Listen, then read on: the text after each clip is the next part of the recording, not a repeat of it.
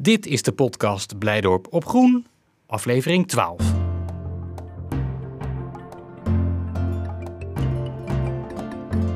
Het onderhoud van de bomen hier in Diergaarde Blijdorp is nogal een flinke klus, als je in de vorige aflevering hebt gehoord. Remy en Hans die moeten soms letterlijk op grote hoogte werken en dat is nog best spannend, maar nodig om de bomen gezond te houden. Soms lukt dat niet, dan is een boom gewoon niet te redden en dan blijft er een stuk dood hout achter. Nou, weghalen zou je denken, maar dat hoeft niet altijd, want zo'n dode boom is eigenlijk fascinerend. Er staat er bijvoorbeeld één in Blijdorp in de buurt van de Tijgerkreek en daar groeit van alles op. Paddenstoelen en schimmels. Dit was dus uh, de suikeresdoorn. Ja, een hele dikke stam. Moet een enorme boom geweest zijn. Ja, het zijn ook een aantal bomen. Ook, uh, als je goed kijkt, dan zie je verderop ook nog een exemplaar staan. Oh ja, daar staat dit er nog ook, eentje. uh, Dit zijn ook een aantal bomen van een, een lijn van, van Ravenstein. We staan aan de zijkant van de Tijgerkreek, hè, voor het plaatje. Tijgerkreek, ja. En als je dan eigenlijk die kronkellijn ziet lopen, die je dus vroeger ook had staan, deze boom precies ook in die kronkellijn. Maar ja, goed. Ja. Uh, deze boom die staat er niet meer, alleen nog een stam. Dus als je hier als bezoeker langs komt lopen langs tegenkrijgt, zie je een stam staan met een, met een bordje erop. Uh, Ja. Het zwam uh, maakt lam. Ja, toch het verhaal een beetje van en die toch boom. het verhaal van de boom te laten zien. Ja, nou ja, op, voorbedurend op het veiligheidswerk en het beheerwerk wat wij doen met bomen. ja, wij hebben natuurlijk nog steeds de intentie om, om bomen zo lang mogelijk te laten staan. En, uh, maar goed, op een gegeven moment in ons veiligheidswerk kwamen we dus op een gegeven moment bij deze boom uit. En zagen wij dus een zwamsoort aan de buitenkant zitten. Dat is de dikrand tonderzwam als ik het goed heb. Ja. En ja, dat kan wel schade veroorzaken aan zo'n Ja. boom. Maar Die zwam zit op de boom en LJ zei net gekscherend, doet me denken aan de trollenkoning van de Efteling. Want daar hebben ze, daar hebben ze dat natuurlijk nagemaakt. Maar Ja. dit, dit, het lijkt er inderdaad op, hè? Het lijkt er wel op, ja. Het zijn aardige schijven hoor, die, eh, die elke keer wel tevoorschijn komen. En je ziet ook wel dat hij dan in lagen opbouwt. En elke jaar komen er dus weer schijven bij. Ja. En dan valt er weer een stukje weg. Maar je ziet dus dat het elk jaar komt dat weer terug. Mhm. En eh, wij hadden dat gezien. En eh, nou ja, wij wilden toch wel zo'n boom proberen zo lang mogelijk te behouden natuurlijk. Ja. Dus hebben ze op een gegeven moment, eh, hoe heet dat aan het, eh, eh, hebben we bekeken. We hebben geklopt met een hamertje, met een boor. Hans staat het nu Ja, ook uit te beelden er hier. staat Met een, er staat een boor na te doen. Met prikken. we hebben zo'n zo'n hebben prikijzer we. En die ging er ja, meer dan een halve meter in. Aan één kant van de boom. En eh, daar schrokken we wel van. Dus dat Ja. was zacht hout. Ja, Dus toen hadden we besloten om een bedrijf in te huren en hem te laten doormeten. Een soort echoscopie, echo ervan te maken. ja, ja. En eh, daar kwam eh, eh, de uitslag. En dat die ja, flink verzwakt was. Juist. Dus heel veel kernhout was er verdwenen en er zat een hele grote zwakke plek zat, er, zat erin. Dus door de aantasting van die dikrand tondenzwam.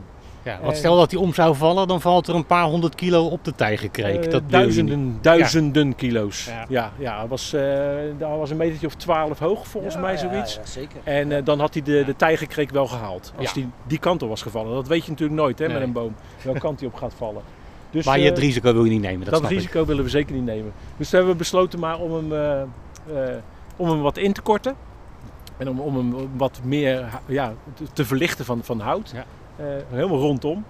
En, eh, en toen hadden we gehoopt dat hij tussen de 5 en 10 jaar nog zou leven.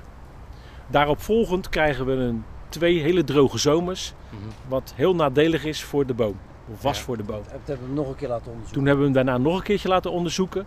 En toen was de beschadiging aan de binnenkant, of de, de, de zwam was, de aantasting was dus dermate groot.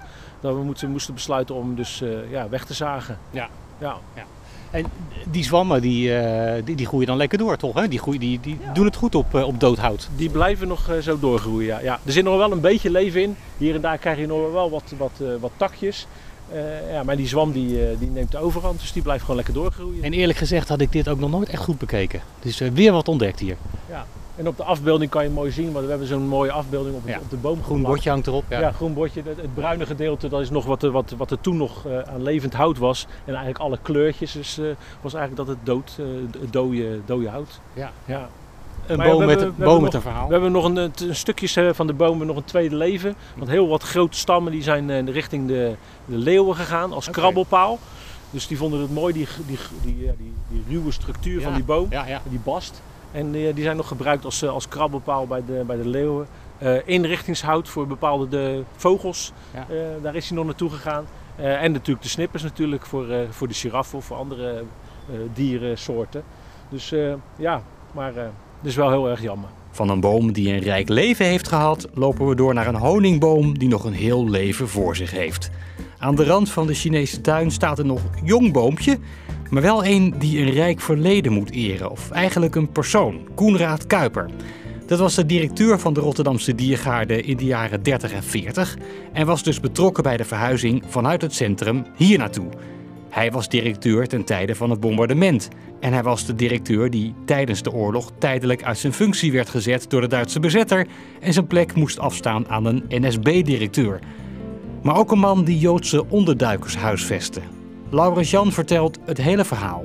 Deze boom is in 2019 geschonken door mevrouw Dasberg.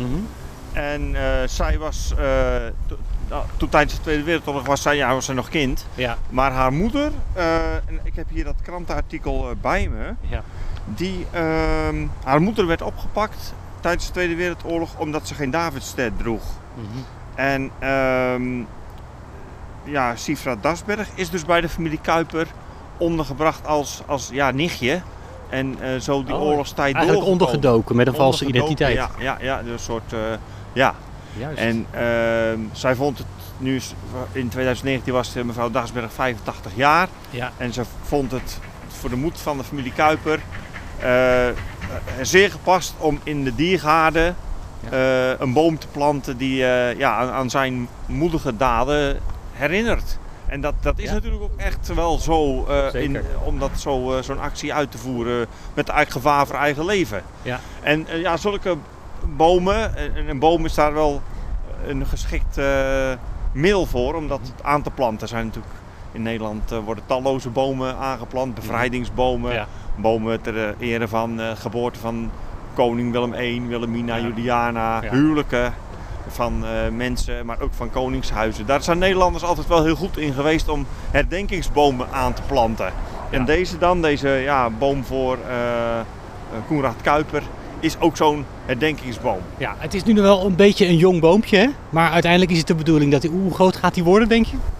Ja, honingbomen kunnen toch ook wel een metertje of tien worden. Ja, we Ja. moeten er gewoon eventjes uh, ook weer de tijd geven. En uh, nou ja, hij staat hier in de Chinese tuin uh, met uitzicht op de vijver. Ja. Een uh, mooie plek waar ook uh, ja, bezoekers het uh, goed kunnen zien. En ja, ook een beetje dat stukje van de Tweede Wereldoorlog meekrijgen op bepaalde momenten. Van, dat is toch een belangrijk onderdeel van de geschiedenis voor Rotterdam ja. en voor de Rotterdamse diergaarden. Omdat Ja. toen net de verhuizing was naar Precies. deze Blijderoppolder. En ja, het was, eh, ja, om het maar zacht uit te drukken, woelige tijden. Ja, ja. Dat zijn het nu ook, maar toen nog wel ietsje meer, denk ik. Ja, ja dat denk ik eh, wel. Ja, En, ja. eh, Ja, die, die Koenraad Kuiper was inderdaad ook eh, degene die de, de verhuizing heeft geleid van, van de oude tuin. En ook ja, mee heeft gedacht over de nieuwe tuin en hoe die eruit moest gaan zien. Dus die, ja, die heeft hier wellicht ook gestaan toen ieder boompje nog jong was en net Ja. geplant. Ik, denk, ik kan het ook zo voorstellen met Van Ravenstein. En ik Ja. denk ook dat, we dan, eh, dat hij natuurlijk eh, uitleg gaf over zijn beplantingsplan. Over die bijzondere visie al die